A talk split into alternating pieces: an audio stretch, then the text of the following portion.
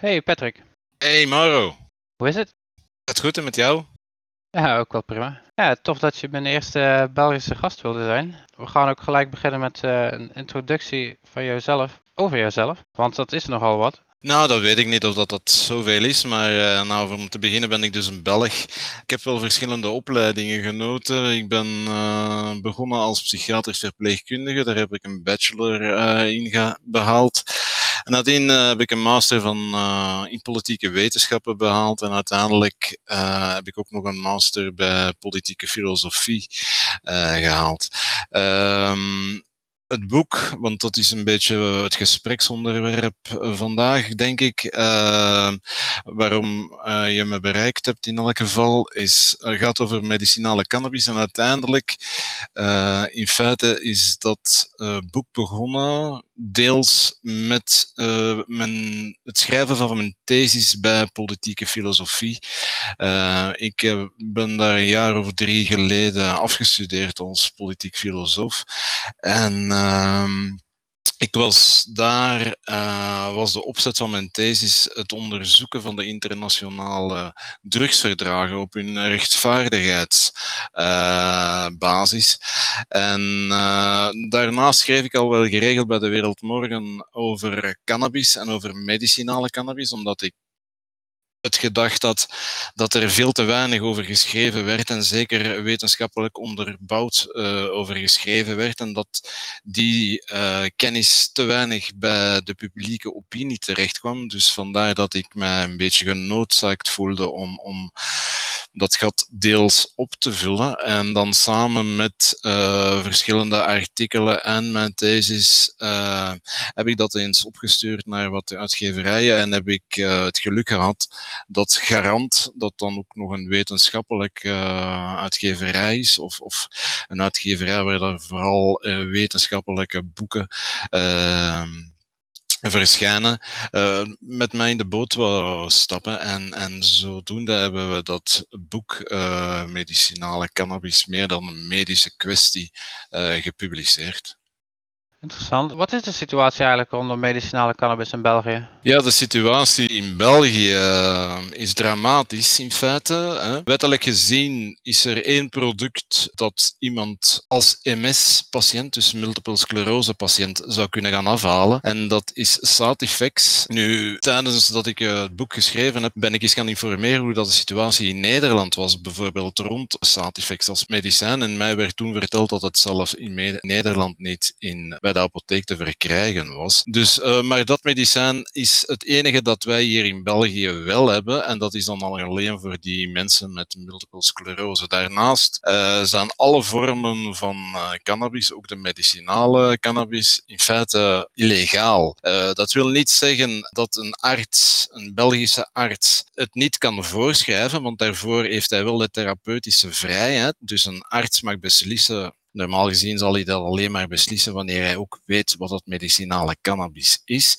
En hij kan dat dan voorschrijven aan zijn patiënt. Met dit voorschrift moet die patiënt dan wel spijtig genoeg de grens oversteken, want in België is er geen enkele apotheek dat uh, medicinale cannabis kan leveren. Dus uh, het is in feite zeer dramatisch. Te meer dat ondertussen uh, genoeg bewijzen geleverd zijn dat medicinale cannabis wel voor een, een, een serie van medische indicaties in feite kan gebruikt worden en, en de patiënten die met die bepaalde medische aandoeningen aftreken hebben, zou kunnen helpen. Maar in België kan je dus niet, je riskeert om gecriminaliseerd te worden, om uh, gerechtelijk vervolgd te worden, om boetes op te lopen, om naar, naar gelang van de situatie waarin je je bevindt, kan men bijvoorbeeld ook nog beslissen, stel je bent uh, een, een cannabis gebruiken voor medicinale doeleinden. De politie valt bij jou binnen. Ze vinden daar cannabis, maar u heeft ook nog wat minderjarige kinderen of één minderjarig kind. Dan kan er van alles gebeuren waardoor dat u de voogdij dreigt te verliezen over uw kinderen. Dus het is uh, zeer dramatisch. Zeer dramatisch. De mensen worden niet geholpen, worden gecriminaliseerd. Het is in feite uh, zeer middeleeuws. Als, als men een beetje bekijkt van op een afstand en toch ook met met, uh, met argumenten of, of met de wetenschappelijke kennis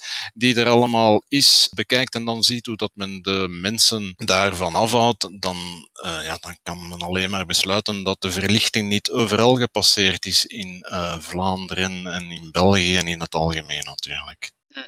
Zijn er eigenlijk nog stichtingen over in België die de situatie proberen te verbeteren op het gebied van medicinale cannabis? Nee, niet echt. Medicinale cannabis is niet echt een uh, topic dat ook op de politieke agenda staat. Dus in feite is niemand daar echt mee bezig. Onze huidige mevrouw De Blok, die minister is van Volksgezondheid, maar die nu ook al een hele tijd eigenlijk nog altijd minister is in lopende zaken, want uiteindelijk is er geen nieuwe regering in België gevormd sinds dat men eigenlijk de verkiezingen meer dan een jaar geleden gehad heeft. Maar zij is dus nog altijd, zij was toen der tijd minister van Volksgezondheid en zij is dat dus vandaag ook nog, is iemand die zich in het verleden zeer minachtend over medicinale cannabis heeft uitgesproken, die in feite als men haar hoort spreken en als men haar handelen, hè, wat het gedrag van de politici moet men eigenlijk gaan evalueren, wat ze allemaal doen, dan, dan kan men alleen maar zeggen dat zij zeer slecht geïnformeerd is over wat medicinale cannabis is. In België zijn er niet zo heel veel deskundige artsen die daarmee ja, iets over weten. Er is wel één iemand, en dat is professor Dominique Lossignol. Dat is een, een pijnarts die werkt in een Bordescentrum, dat is een kankercentrum. En dat is de enige bij mij weten die ondertussen drie wetenschappelijke artikelen geschreven heeft, samen gepubliceerd heeft met iemand anders. En die daar onderzoek gedaan heeft naar uh, medicinale cannabis. Bij pijn dan, uh, zowel bij kanker gerelateerde, dat was het eerste. En het tweede bij kanker, uh, alleen niet, niet kankergerelateerde pijn. En daar in feite van zegt van dat is een product dat zeker voor pijnpatiënten zou kunnen helpen. Die man heeft zij bijvoorbeeld nooit gesproken, dus zij laat zich ook niet omringen door mensen die er meer van afweten. En vanuit het parlement wordt er zeer weinig initiatief genomen om daar verandering in te brengen. Ook niet door de oppositiepartijen hoor. Zowel Groen als de PVDA, de Partij van de Arbeid is dat hier in uh, België, wordt er eigenlijk niks gedaan. De mensen of de partijen Groen en PVDA, die zijn niet tegen een uh, legalisering van medicinale cannabis, denk ik, maar ze ondernemen niks. Dus ze zijn niet proactief bezig met dat op de agenda te zetten. En uh, ja, dus die laten evenzeer de mensen aan hun lot over. En vanuit bijvoorbeeld een partij zoals de PVDA, dat uh, zeer goed, allee, volksgezondheidsgewijs bezig is, die hebben zo'n project van geneeskunde voor het volk. Ik begrijp niet ik heb die mensen al verschillende keren aangeschreven. Ik heb daar nooit een antwoord op gekregen waarom dat zij zich daar niet meer in gaan verdiepen. Te meer dat men, denk ik, met cannabis ook een, een product heeft dat men zelf zou kunnen telen, waardoor dat de kost ook gedrukt zou worden voor de patiënt en voor de volksgezondheid. Maar die partij Hoewel dat zij besloten heeft verleden jaar, nee, het is langer geleden, bij de vorige verkiezingen om Jean-Pierre Vonken, die de vader is van Sophie Vonken. Zij is een epilepsiepatiënt die ondertussen geholpen wordt met CBD-olie hier in België en die enige naambekendheid heeft. Dus ze hebben wel besloten bij de PvdA om Jean-Pierre op hun lijst te zetten om er wat uh, stemmen te trekken, denk ik. Maar uh, Jean-Pierre heeft mij verteld dat hij nog nooit met iemand van de PVDA over medicinale cannabis heeft gesproken. Dus dat is een beetje de situatie hoe dat ze vandaag is in, in België. De, de politiek is er niet mee bezig, is niet geïnteresseerd. En vanuit de media komt er veel te weinig op beeld of in de kranten, waardoor dat de publieke opinie zich geappelleerd zou voelen om, om daar vragen rond te gaan stellen. Dus het wordt een beetje bedekt als je wilt. Wordt niet echt in de schijnwerpers gebracht. Het is, het is spijtig, want als ik dan zie hoe dat de situatie in Nederland is, die verre van uh, fantastisch is, maar daar is het toch al uh, eh, 15 of 17 jaar ondertussen veel beter met, met het uh, stichten van het BMC. Recentelijk sprak Georges-Louis Boucher zich uit eh, van de partij Movement Reformateur van de Belgische premier Sophie Willems. Ja. Zegt dat iets of eh, is het eigenlijk maar een, eh, een storm in een glas water? Ja, dat is niks. Dat is allemaal terug ver- vergeten. Hè? Dat is even een uitspraak doen ergens. Dat valt dan een beetje in goede aarde hier en daar. Maar dit soort van uitspraken, dat wordt jaarlijks uit iemand wel in de politiek eens zoiets. Hè? Men heeft ook al voorgesteld, eh, de, de andere partij, een grote partij in Wallonië, de PS, Partie Socialist, heeft zelfs een, dingen, een, een wetsvoorstel gemaakt, maar dat was dan voor recreationele cannabis, waarbij dat ze eigenlijk het werk, het boekje, ik kan niet meer de titel komen van het boek, maar van Tom de Korte en, en twee andere professoren gebruiken. Want als je het wetsvoorstel gaat lezen, dat is eigenlijk e- bijna, bijna copy-paste. Het is bijna het boekje van de Korte dat ze daar gebruikt hebben. En, en, maar in dat boekje van de Korte staat dus ook niks over medicinale cannabis. En het is dus alleen het recreationele aspect dat men daar in dat wetsvoorstel gepresenteerd heeft, maar dat wetsvoorstel is niet aangenomen geweest. Maar zelfs dus in dat wetsvoorstel was geen sprake van de medicinale kant. En ik ben absoluut geen tegenstander uh, voor uh, het legaliseren van cannabis voor uh, recreationele of recreatieve doeleinden. Absoluut niet. Dat mag onmiddellijk van mij. Maar waar ik nog meer voor wil vechten, is dat de mensen die, die, die ziek zijn een mogelijkheid meer zouden gepresenteerd krijgen om bepaalde ziektes mee te bestrijden of de symptomen van de ziektes. Ik denk dan vooral aan chronische pijn. Uh, het is ondertussen zeer duidelijk dat ten eerste er zijn zeer veel chronische pijnleiders. Dat is in Nederland net hetzelfde als in België en, en overal ter wereld.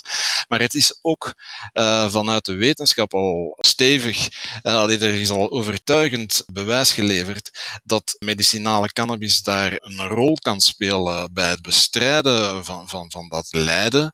Uh, dat het dat ook doet in verschillende landen, in verschillende staten van de Verenigde Staten, maar ook in Canada, in, in, in zoveel andere, op zoveel andere plaatsen is het wel toegelaten. De, de, de feedback van de, van de mensen, dus van de patiënten ginder, is zeker niet slecht. Hè. Het is, het is, de mensen hebben inderdaad een middel erbij gekregen om hun pijn te bestrijden, waardoor dat zij niet alleen minder pijn gaan hebben. Het is niet altijd zo dat ze al hun pijn kwijt zijn, hè, maar toch een, een, een aanzienlijke vermindering. En zeer vaak kunnen ze daardoor ook andere medicatie die ze voordien kregen, in, en dat zijn vaak opioïden, kunnen ze daarmee stoppen, waardoor dat ze terug een, een, een leven hebben dat, dat ze voordien eigenlijk niet meer uh, voor mogelijk hielden. En dus als je ziet dat dat dat deel van cannabis voor die doeleinden ook al niet gelegaliseerd is, dan, dan wil ik mij daar wel voor inzetten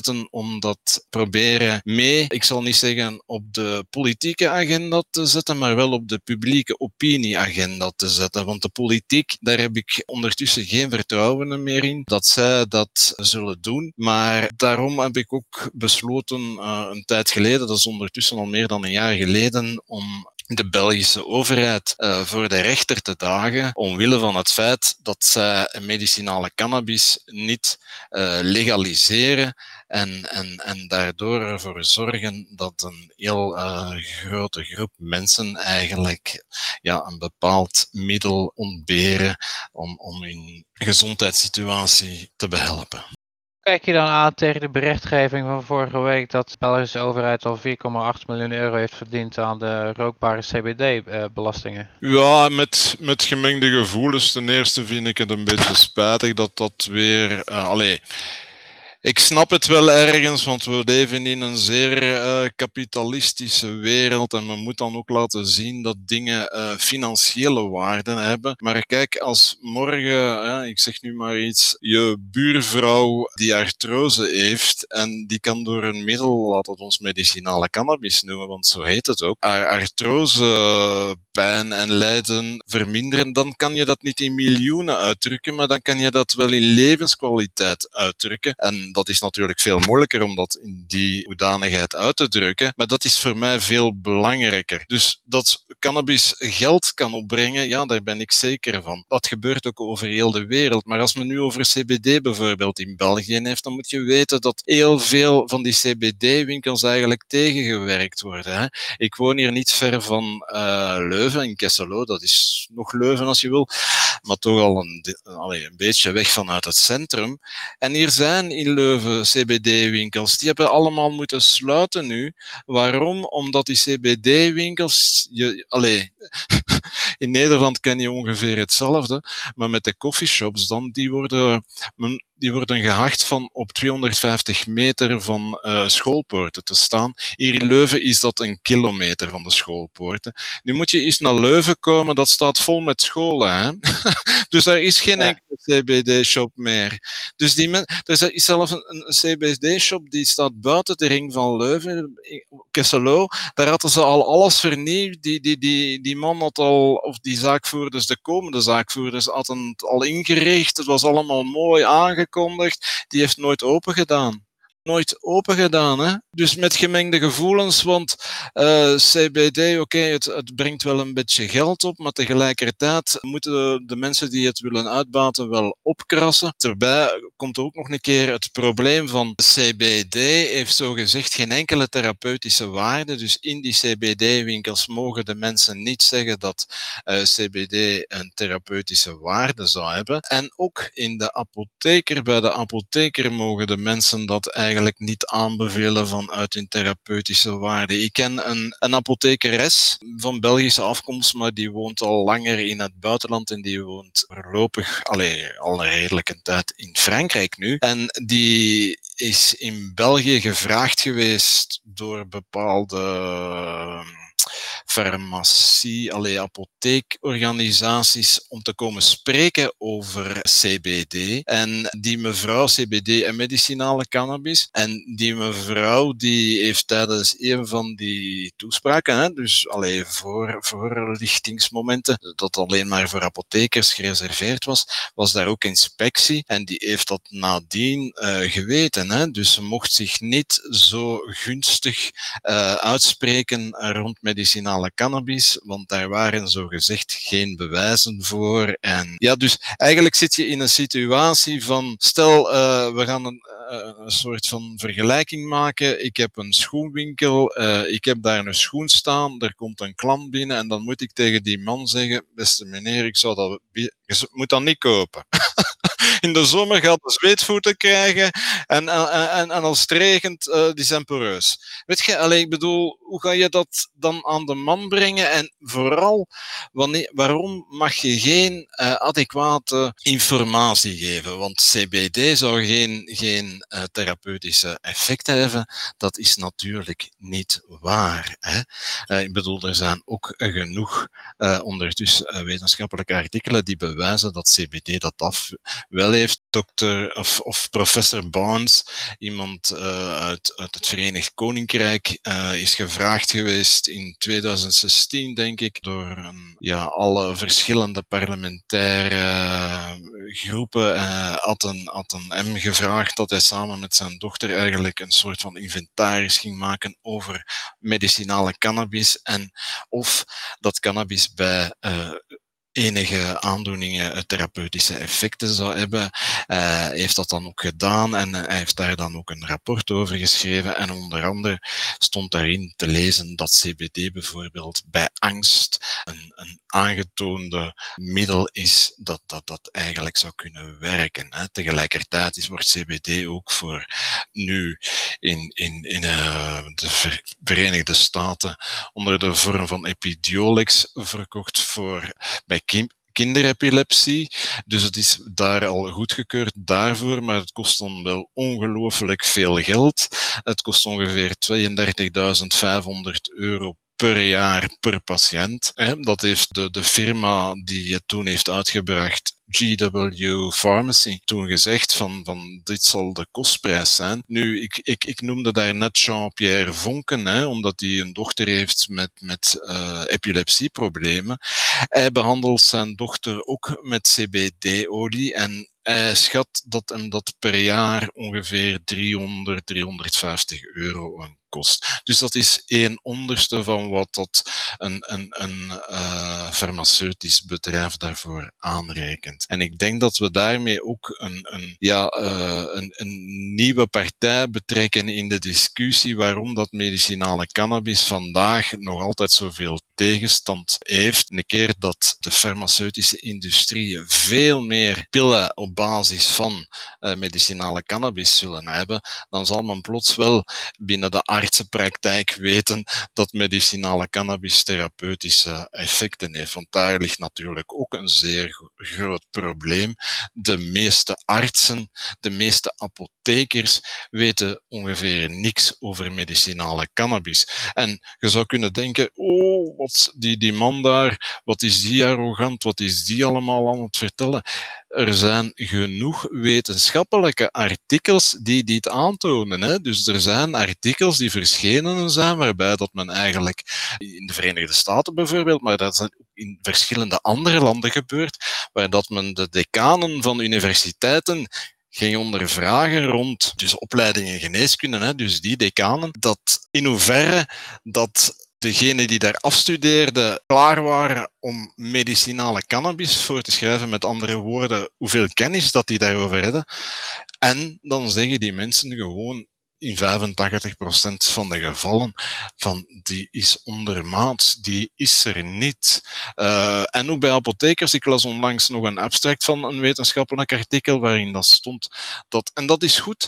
Uh, in Canada, uh, 90% van die, van die studenten van, van, van uh, farmacologie wouden dat dat uh, product medicinale cannabis dus veel meer uh, voorgeschreven werd. Dus op zich is dat niet slecht, maar ze hadden daar dan ook een test bijgevoegd en 75% van de mensen die geantwoord hadden, die kenden eigenlijk bijzonder weinig over medicinale cannabis en die zouden zeker een, een examen of zo daar rond niet met vrucht geslaagd zijn. Dus, dus er, is, er is zeer veel dat ervoor zorgt dat medicinale cannabis veel minder erkenningen krijgt waarop dat ze eigenlijk zou mogen rekenen gezien wat medicinale cannabis uh, allemaal zou kunnen doen. We zien nu in Nederland ze de, met de, een wietproef willen gaan beginnen. En in Luxemburg willen ze, nadat ze medicinale cannabis hebben gelegaliseerd, ook legale cannabis gaan legaliseren voor recreatief gebruik. Hoe kijk je daar tegenaan als, als Belg zijn? Of, en wat voor invloed gaat dat hebben op België? Ja, dat weet ik niet onmiddellijk. Hè. Dat is ook moeilijk te zeggen. Ik denk dat daar uh, vooral het deel uh, publieke opinie belangrijk gaat zijn. En de publieke opinie uh, die wordt gevoed door de media. Dus de media, hoe dat zij dat zullen brengen en hoe, hoe geargumenteerd ze dat zullen brengen en bij welke mensen dat ze zullen gaan om, om informatie te krijgen, zal mede bepalen uh, of dat er in België meer uh, animo zal bestaan om dat ook te gaan legaliseren. Uh, natuurlijk is er een kleine, een kleine groep van voorstanders hè, die ook wel eens zien dat het ten eerste geld kan opbrengen. Hè. Dan gaat het vooral over de recreationele natuurlijk ook de, de medicinale cannabis uh, zal, zal geld opbrengen. Uh, daar niet van, maar ik denk dat bij dat uh, of bij die mensen, dat is echt niet waar dat het over moet gaan. Je moet zien dat die mensen een, een, een, allez, een medicijn kunnen krijgen die, die hen kan helpen. Maar het is zeker niet slecht voor België dat dat gebeurt, maar ik heb soms de indruk als ik met mensen spreek dat die de, de wereld waarbinnen dat zij leven toch vooral verder komt van, van het nieuws dat zij zien op, op televisie en, en dus niet echt bepaalde meer gespecialiseerde lectuur of zo zouden gaan raadplegen. En, en, en dan is het heel belangrijk wat media daar gaan over zeggen en bij wie dat zij zullen gaan aankloppen. Ik zie veel te vaak in uh, de Belgische uh, verslaggeving uh, dat men eigenlijk bij sommige mensen gaan aankloppen om commentaar te geven over medicinale cannabis of over cannabis in zijn geheel, die daar bijzonder weinig over weten. nu, recreationele cannabis, daar is dan nog wel Tom de Korte van, van de Universiteit van Gent, die daar uh, wat van weet en met, met zijn team daar ook, want hij heeft daar allemaal doctoraatstudenten die, die bij hem uh, werken en, en uh, samenwerken. en ook nog een paar postdoctorale studenten, et cetera. En die hebben daar ook een groepje Smart on Drugs opgericht en zo. Dus die zijn daar wel wat mee bezig. Maar Weet je, om, om, om mensen hun gedachtepatroon over een bepaald onderwerp te veranderen dat al zo lang gedemoniseerd geweest is, dat ga je niet doen door uh, daar is een meer positieve uh, verslaggeving over te geven. Nee, daar, dat ga je doen door middel van dat vaker en frequenter in, in de media te brengen. En, en dan kunnen die dingen vooruit gaan. Ik denk ook bijvoorbeeld, uh, als je, en als je kijkt hoe dat het uh, in uh, de Verenigde Staten voor een deel geweest is, zoals in Californië bijvoorbeeld in de jaren negentig uh, moet dat geweest zijn, dan, dan waren er verschillende initiatieven van het parlement, van de statelijke parlementaren, dat eigenlijk al wouden dat medicinale cannabis zou gelegaliseerd worden. Dat is toen niet gelukt, maar dan heeft hebben daar een deel mensen uh, zelf een initiatief genomen. En dat is Proposition 215 geweest. Uh, en die hebben eigenlijk, want in, in Amerika, in de Staten van Amerika, heb je nog uh, de mogelijkheid om referenda uit te schrijven. Maar dat, waar, dat zijn goede vormen van referenda in de zin van dat is niet gewoon vandaag referenda, volgende week ja of nee zeggen. Dat zijn referenda waarbinnen dat degene die de de beide kampen, degene die voor zijn en de, degene die tegen zijn, tijd genoeg hebben om, om argumenten uh, bij, bij, bij andere uh, mensen te brengen. Uh, natuurlijk is het nog altijd zaak van dat je een beetje moet geld hebben, want je moet dan media in, in of, of, of je moet van alles doen dat dat bekend wordt, die boodschap. En, en je moet ook een beetje strategisch gaan nadenken hoe dat, dat allemaal in, in, in zijn werk zou kunnen gaan. Maar dan zie je dat eigenlijk die, uh, of dat initiatief heel, heel uh, goed gewerkt heeft en dat men daardoor medicinale cannabis is gaan legaliseren toen. Hè. Dat was al in 1996, als ik me niet vergis. Uh, maar dat is ook gebeurd gebruikt geweest, dat initiatief, om nog veel meer andere uh, staten uh, met eenzelfde soort initiatief, met eenzelfde uh, referendum, te gaan gebruiken om de mensen te gaan overtuigen. En, en ik denk dat dat beter is, omdat mensen dan ook veel beter gaan begrijpen wat dat precies doet. En, en wat dat we vooral moeten doen, uh, wanneer dat het over medicinale cannabis gaat, is goed uh, het verschil. Uh, het gaat niet zozeer. Het gaat niet over mensen die op zoek zijn naar een roes. En dat moet zeer duidelijk overgebracht worden. En het gaat over mensen die ziek zijn. En uh, mensen die pijn lijden. Of mensen die nausea en braak hebben omwille van het feit dat ze chemio gestart zijn. Etcetera, etcetera. En als mensen dat gaan beginnen inzien, dat het uiteindelijk en ook gaan overkomen. En, en dat en dus dat middel ook zou kunnen helpen, dan gaan mensen ook veel vlugger geneigd zijn om, om voor zoiets te kiezen.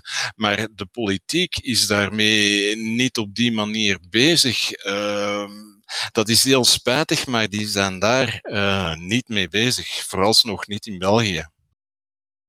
Is er een land waarvan je zegt, of, of een staat, die hebben het het beste geregeld voor de medicinale cannabis? Ja, dat weet ik niet precies, hè, want dan zou je heel veel. Maar ik denk dat er verschillende landen zijn. Uh, ik denk dat er verschillende plaatsen zijn in de, in de Verenigde Staten. Uh, die, weet je, ik, zal de vraag op een andere manier beantwoorden en dan, dan, dan, dan zou ik zeggen wat moet eigenlijk een goed uh, beleid voor, of rond medicinale cannabis inhouden? En dan denk ik dat je verschillende zaken moet, moet bekijken. In feite, en dat is nog bij veel landen te weinig, moet je dan ook zien dat de universiteiten uh, in hun lessenpakket, zo, vooral de studenten geneeskunde en farmacologie, dat die daar ook wel veel meer informatie over moeten. Dat is één ding, denk ik. Ten tweede moet je dan ook zien naar de distributie toe, want je gaat dat dan zelf produceren distributie. Maar ik denk dat ook een, een uh, land, uh, en in verschillende staten van de Verenigde Staten is dat zo, dat is ook in Canada zo, en dat is ook op andere plaatsen zo, maar niet overal, kunnen de mensen zelf uh, medicinale cannabis gaan telen, of wanneer dat zij, ja, omwille van dat ze te ziek zijn, of dat ze misschien plaatsgebrek hebben, of geen tuintje, of weet ik veel wat, kan er een mantelzorger voor zorgen dat, dat, dat ze medicinale cannabis voor hen gekweekt wordt. En dat gaat het kostenplaatje enorm drukken. En ik denk dat dat zeer belangrijk is, uh, dat de mensen dat zelf kunnen doen. Tegelijkertijd denk ik ook dat het niet slecht zou zijn als men dat in een soort van uh, medical social cannabis club zou doen, waar dat ook uh, chronische pijnpatiënten of chronische zieken eigenlijk elkaar zouden op, allee, tegen kunnen komen. Niet alleen voor, voor cannabis te gaan halen en zo, maar dat ze ook elkaar zouden ondersteunen. Uh, maar ik denk dat het heel belangrijk is dat de staat ervoor zorgt dat uh, medicinale cannabis bij de farmacie ligt, maar ook dat mensen het zelf kunnen telen. En dat wil dus zeggen dat bedrijven gaan we sowieso nodig hebben. Hè? Want ik denk als je hm. medicinale cannabis op een goede manier introduceert in een land dat die vraag enorm gaat stijgen. Hè. We zien nu bijvoorbeeld in uh, Israël. Uh, ik las een artikel, uh, wetenschappelijk artikel van 2018. Uh, dat, was, dat ging rond pijn. En dat waren alle pijnartsen van Israël werden toen uitgenodigd om, om te reageren in, in die studie. En men zag dat daar nu al een verschuiving in was. Natuurlijk nog niet helemaal, uh, helemaal optimaal, maar wel een verschuiving van het voorschrijfgedrag. Van waar dat men vroeger altijd opioïden als eerste ging gebruiken. Alleen niet als eerste, maar ik bedoel, dat was een gradueel van, van, van minder, uh, hoe zal ik zeggen, NSAID's en weet ik veel wat nadien naar opioïden en zo verder. Maar er werd nooit niet medicinale cannabis voorgesteld. Nu is die verschuiving er wel. Dus in 40% van de gevallen bij die Israëlische pijnartsen, in 40% van de gevallen gaan die wel medicinale cannabis als eerste voorstellen. En ik denk dat dat heel belangrijk is. En als men dat gaat doen en als men dat consequent gaat doen, dan gaat er een enorme vraag zijn natuurlijk. Want er zijn, in België zijn er alleen al 200.000 uh, pijnpatiënten, hè, chronische pijnpatiënten. Dus stel u voor dat er daarvan een, een aanzienlijk deel uh, zouden willen gebruik maken van uh, medicinale cannabis. Nou, dat, dat gaat enorm veel zijn. Dus je gaat ook bedrijven nodig hebben om, om die vraag uh, te kunnen beantwoorden. Maar ik denk dat het toch nog altijd ook bij de patiënt uh, terecht moet blijven om dat eventueel zelf te doen. Ja, je haalde ook net ook al de Cannabis Social Clubs aan. Dat was een tijdje in België eigen opkomst. Um, wat is daar eigenlijk nog van over? Bij mij weten niks. Dus trek uw plant, uh, dat was uh, de meest gekende, denk ik, van in Antwerpen. Die hebben paar jaar geleden hebben die een hmm. inval gehad. Uh, dat was mei 2018, als ik me goed herinner. Nadien, dus daar is een inval geweest bij verschillende van die bestuursleden. En sommige gewone leden, daar hebben toen drie leden drie weken of zo in de gevangenis gezeten. Uh, de ten lastenlegging was dan vooral dat ze zouden gefoefeld hebben in de boekhouding, dat er dus uh, ja, van alle geld verdwenen zou kunnen zijn, wat dat uiteindelijk allemaal niet zo zou gebleken zijn. Maar uh, nadien is die, is die Cannabis Club nooit meer uh, terug op haar poten komen staan. En onlangs hebben die ook gewoon hun, uh, hun bestaan opgegeven. En er was ook nog wel een Cannabis Social Club in. Uh, Gent, maar dat is ook zo goed als gedaan. En in elk geval is dat niet een, een, een cannabis social club, want daar wordt geen cannabis meer uh, rondgebracht als die nog zou bestaan. Dus bij mijn weten zijn er zo goed als geen enkele cannabis social club in België nog hoor, vandaag. Ja, zeer zonde. Ja, dat is, dat is absoluut zonde. Natuurlijk, uh, de cannabis social clubs, dat is vaak voor de recreationele, maar gelijk bij Trek Uw Plant waren er ook uh, x aantal, ik denk een 10% of zo, misschien een beetje meer, die ook voor medicinale redenen daar kwamen. Hè, en die dan plots ook hun middel, hun, hun, hun geneesmiddel, als ik het zo mag zeggen, niet meer... Uh, ja, konden krijgen, daar niet over beschikken. En ja, die moeten dan toch ook weer een andere oplossing gaan uh, zoeken. En als ze dan bij medici medicinale cannabis willen blijven, is dat sowieso in België een illegale oplossing. Hè? Dus ofwel ga je dat op straat kopen, ofwel ga je dat zelf beginnen te telen. Maar in elk geval, als de politie bij je langskomt, ga je problemen hebben. Hè? Hoe kijk je eigenlijk aan tegen die berichtgeving uh, rondom uh, medicinale cannabis en uh, het mogelijke effect op, op corona? Op corona? Ja, dat, dat, dat weet ik zo niet. Ik, ik krijg hier en daar wel ehm, bepaalde ehm, informatie dat, dat, dat men medicinale cannabis zou kunnen gebruiken bij, bij de symptomen die corona veroorzaakt. is het daar naar dat je peilt? Nou, het is iets wat ik ook natuurlijk wel vaker zie, maar tot nu toe heb ik nog niet echt reden gezien om erover te berichten. Nee, nee, ik ook niet. Dus ik denk ook uh, dat dat nog uh, op zich. Weet je, sommige berichten zijn ook niet van die aard dat ze zeggen van wij hebben vandaag al de oplossing gevonden. Hè? Maar sommige mensen lezen dat dan niet helemaal en die berichten dat dan, of die sturen dat dan verder door, alsof dat men daar al uh, een sluitend of een overtuigend bewijs gevonden heeft. En dat ontbreekt volgens mij nog, nog steeds. Hè? Dus uh, veel meer kan ik daar niet over zeggen hoor. Nu is er nog een andere beweging gegaan in uh, Nederland, wat slecht nieuws is voor de Belgen. Want Belgen worden al, evenals andere uh, mensen uit andere landen, geweerd uit bepaalde coffeeshops uit bepaalde steden. En nu wil, wil, er ook nog Amsterdam bij komen. Hoe, hoe, kijk je aan tegen deze, ja, iemand heeft het al eens eerder discriminatie genoemd. Hoe kijk, hoe kijk je er tegenaan op, op die manier?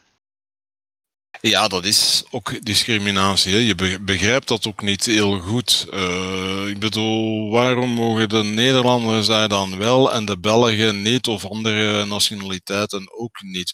Ik bedoel, uh, als je de mensen toelaat om, om in je land uh, te komen, om, om die mensen die je van een koffieshop gaat weren, die mogen dan wel op bezoek gaan in de horeca of die mogen wel in jullie winkels gaan kopen. En, en dus het zijn echt zo, maar, maar rond drugs gaan we die mensen dan toch weer uh, gaan discrimineren. Uh, drugs, uh, het is natuurlijk ook een sociale, allez, een culturele constructie, drugs. ik begrijp ook niet waarom dat daar zoveel eisen rond gemaakt wordt. Als je ziet, en nu ga ik meer over recreationeel, of hoe zal ik het zeggen, over cannabis eigenlijk gaan spreken. Uh, dus niet als therapeutisch uh, middel. Maar als je cannabis gaat vergelijken met bepaalde andere uh, zaken, die je bijvoorbeeld ook bij, bij de Hollandse uh, bar of, of café of zo kunt krijgen, dat is eigenlijk uh, cannabis veel onschuldiger. Uh, het is veel minder schadelijk voor de gebruiker en voor de samenleving uh, dan alcohol of dan tabak. Maar nogthans uh, is er een hele scheefgroei.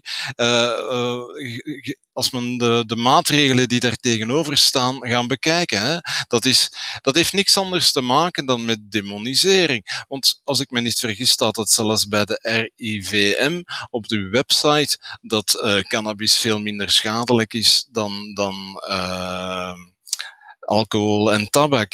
Dus, dus men is eigenlijk een bepaald uh, gebruik, een bepaald segment van de bevolking, van de populatie, eigenlijk sowieso al aan het discrimineren, uh, omdat men die beschouwd als het zijn gebruikers van drugs en oei oei oei oei en het zijn verslaafden, wat trouwens ook al uh, onjuist is. En het zijn allemaal uh, criminelen of, of, of, of, daar neigt het toch toe. Uh, terwijl dat er ook mensen zijn waarvan je misschien veel minder zou verwachten, die met een, met een pak en een academisch uh, diploma op zak uh, ook wel een jointje roken hoor. En meer dan één jointje roken. Dus, maar, maar men heeft uh, doorheen de geschiedenis uh, bepaalde mensen met van alles of bepaalde gebruiken met de zonde van Israël willen betichten. En, en, en cannabisgebruik is daar één van. Hmm, duidelijk. We hebben inmiddels al bijna een uurtje volgepraat met uh, zeer interessante informatie. Um, is er nog iets wat je, waar je zelf graag over zou willen praten? Uh, waar ik zelf over zou willen praten. Ja, wat ik eigenlijk nog zou willen vertellen, Mauro, is dat ik. Dus wat ik daar straks al deels gezegd heb, dat ik de overheid uh, voor de rechter uh, aan het uh, dagen ben. we zijn daarmee bezig. Ik ben bij een advocaat geweest en dat was ook nadat ik eigenlijk mijn boek geschreven had, omdat ik het gevoel had van, nu met mijn boek dat ik geschreven heb, heeft, heeft veel te maken met rechtvaardigheid. En ik denk dat dit een de, manier waarop dat medicinale cannabis, hoe zal ik zeggen, onwettelijk gemaakt wordt, totaal, totaal buiten proportie is. En, en dat het zeer onrechtvaardig is voor de mensen uh, in België, wellicht ook in andere plaatsen op de wereld. En, en omwille daarvan heb ik besloten van na dat boek te schrijven van ja, maar dit zijn nu eigenlijk de, de hoe zal ik zeggen, de, de kernpunten die me bijblijven. Hè. Dus, dus medicinale cannabis heeft wel therapeutische effecten, wat mensen uh, niet weten. En, en er zijn een heleboel mensen die er eigenlijk aan, aan allee, hun, gezondheid mee zouden kunnen verbeteren.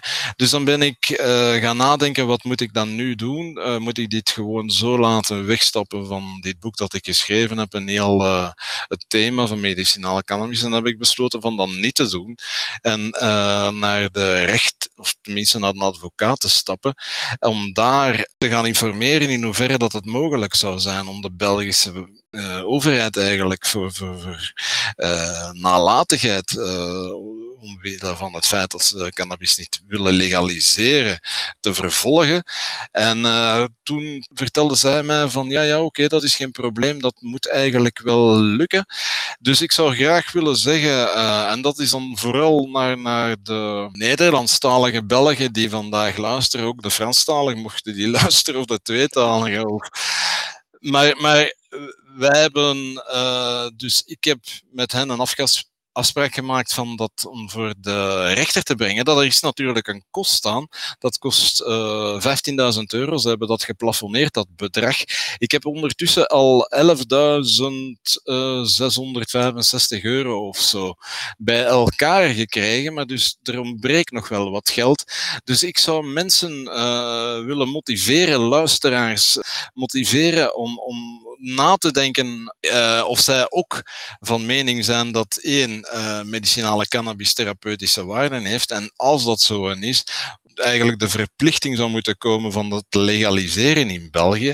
En uh, mochten ze dus die verschillende standpunten verdedigen, om, om dan ook een stuiver, zal ik maar zeggen, bij in de zak te steken. En, en ze zouden dat kunnen doen, als ik dat even mag, uh, via de bankrekeningnummer van We Are Sophie.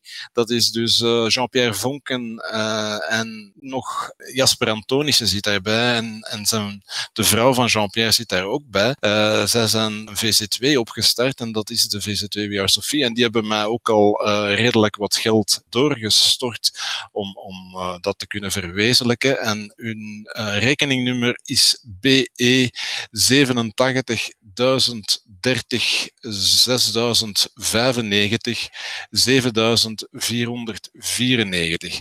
En ik zeg dat ook omwille van het feit dat ik dat bekijk als iets van, iets voor de gemeenschap. Dus het zou tof zijn mocht de gemeenschap daar ook bijdragen. Want als morgen, ik ben geen medicinale cannabisgebruiker om te beginnen, dus, dus ik doe dat eigenlijk niet van mij, maar ik ben, ik ben wel gaan vaststellen dat zoveel mensen daar zoveel goed zouden van kunnen hebben, dat ik zo verontwaardigd ben dat ik mij daar ben gaan voor inzetten. Maar ja, als ik dat allemaal zelf moet ophoesten, dat geld, dan wordt het uh, voor mij ook uh, moeilijk. Maar ik zou niet alleen daarvoor dat geld appelleren, maar de mensen laten begrijpen dat, dat, dat wanneer dat mensen samen dingen doen en samenleggen, dat ze dan misschien wel uh, gemakkelijker vorderingen kunnen maken in, in een politiek landschap waarbij dat politici en eigenlijk een beetje aan hun lot overlaat.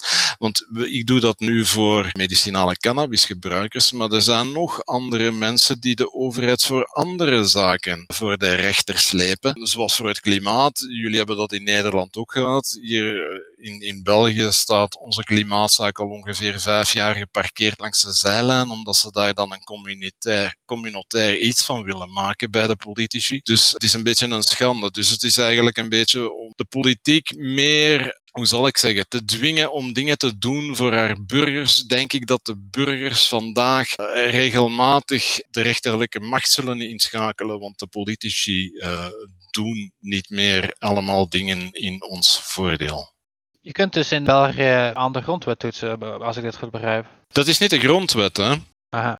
Maar je, je, kan wel natuurlijk, de strategie die we gaan toepassen, ga ik niet helemaal ver, verraden. Daar kunnen we misschien nog eens bij een, een andere gelegenheid over hebben, want dat mm. proces moet voorkomen.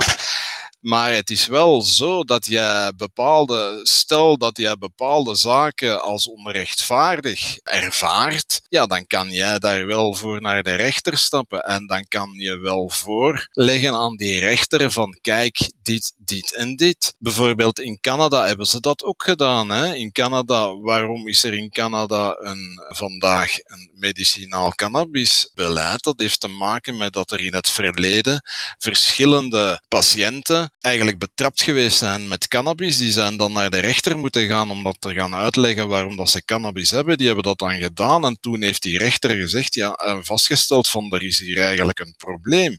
Want eigenlijk uh, zegt de grondwet enerzijds van dat die man, en die vrouw, het was nu wel twee keer een man uh, in Canadese voorval, maar uh, dat die man uh, zijn gezondheidsrecht in het nauw wordt gedreven door een ander wet van, van, van, van Canadese makelij.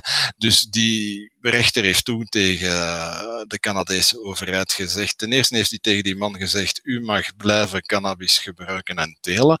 En die heeft dan ook gezegd aan de overheid dat ze haar wet moest aanpassen. Niet alleen haar wet moest aanpassen, maar in tweede instantie heeft hij ook gezegd dat er een organisatie moest komen waar dat die, die de distributie eigenlijk moest verzorgen.